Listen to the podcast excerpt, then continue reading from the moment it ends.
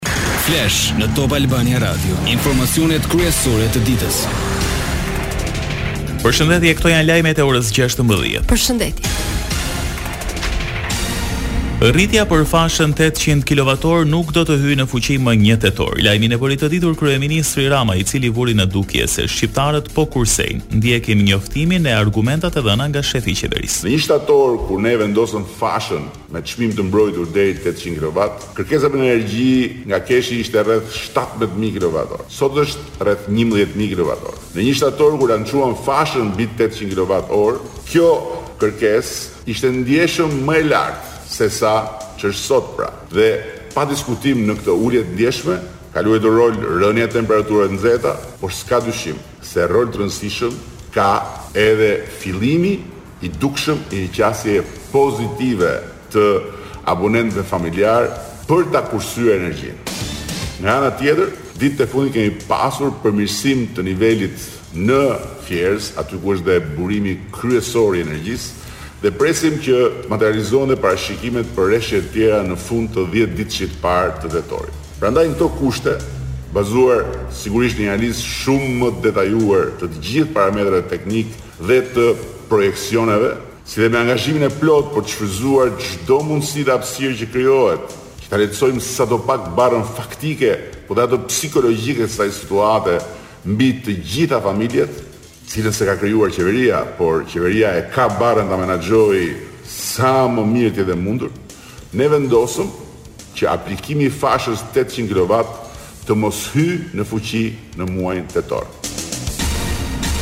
Berisha u shpreh se vendimi i qeverisë për shtyrjen e fashës tetëqind kilovatore erdhi pas ultimatumit të tij. Sipas kreut demokrat, vetëm me presion funksionon qeveria e Ramës. Ndërkohë, Berisha amnistinë fiskale e cilëson një lobim të krimit. Një koment kryedemokrati e pati dhe për pyetjen nëse do bashkëpunojë me Ilir Metën për primaret. Çështja që ngrini është e drejtë. Sigurisht që ne do ulemi me Partinë e Lirisë dhe me aleatët e tjerë. Dhe do bashkërendojmë, do bëjmë gjithçka që të arrijmë maksimumin e konsensusit. Problemi i vetëm është që ne nga primaret nuk mund kurrsesi të largohemi.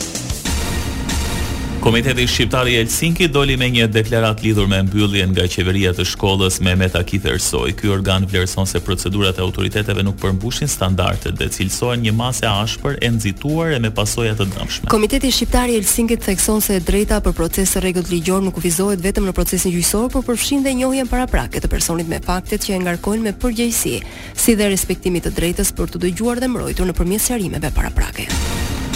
Katër zyrtarë të Komisariatit numër një në Tiranë janë pezulluar nga Agjencia e Mbikëqyrjes Policore për shkak të ndërtimeve pa leje në zonën e Farkës në Tiranë. Këtu përfshihet edhe lejimi i ndërtimit të pallatit nëntë katësh të Lul Morinës që u sekuestrua nga qeveria. Mes të pezulluarve për tridhjetë ditë është edhe shefi i komisariatit numër një.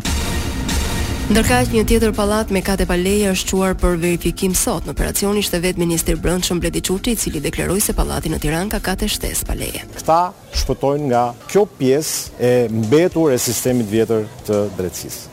Është një subjekt që jo vetëm ka kate pa leje, por Ka dhe një ndryshim skandaloz të projektit që çdo metër katror që është bërë pa leje do t'i kthehet publikut, do t'i kthehet popullit. Bledi Çuçi.